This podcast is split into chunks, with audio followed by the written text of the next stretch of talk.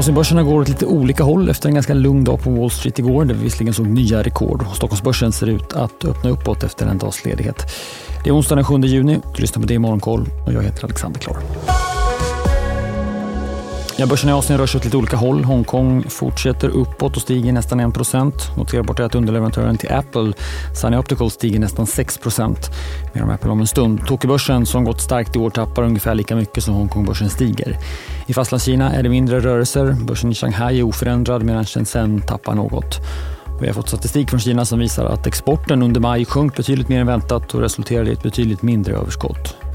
Australiens BNP-tillväxt landade på 2,3% under det första kvartalet jämfört med samma i fjol och innebär också en svag ökning jämfört med det avslutande kvartalet i fjol.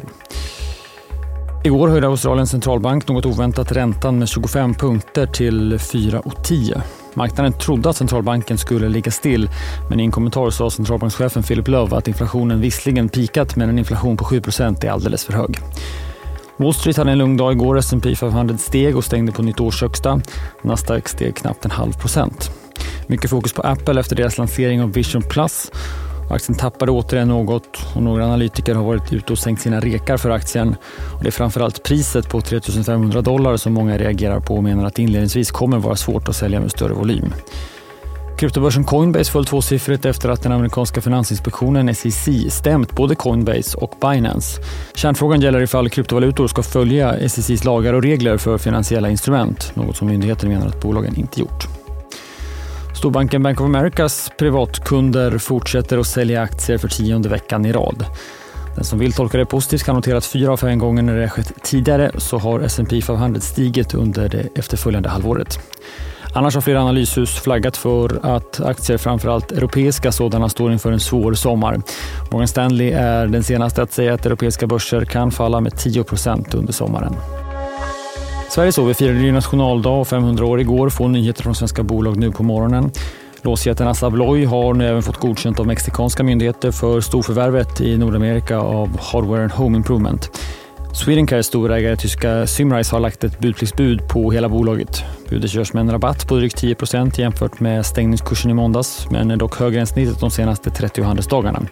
Och I en kommentar säger Symrise att eh, de med erbjudandet vill öka sin position i bolaget men inte förvälva hela Swedencare. Det lilla rymdbolaget AC Clydespace behöver ta in knappt 75 miljoner kronor i en företrädesemission. En aktie ger en teckningsrätt och fem teckningsrätter ger tre aktier för 60 öre vilket är ungefär hälften av måndagens stängningskurs. Det ska inte vara lätt med emissioner. På dagens agenda tysk industriproduktion och amerikansk handelsstatistik under eftermiddagen.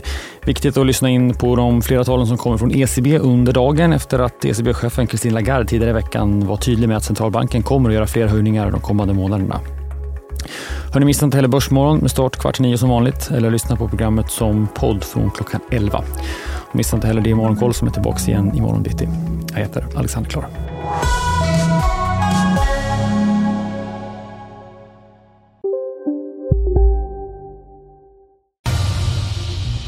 Expressen gör varje vecka podden Politikrummet där vi djupdyker i det senaste och viktigaste inom svensk politik. Med mig, Filippa Rogvall, som programledare tillsammans med mina vassa kollegor. Och det är ju ni som heter Thomas Nordenskjöld, Anette Holmqvist och Viktor Bartkron. Politikrummet kommer med ett nytt avsnitt varje tisdag. Vi hörs.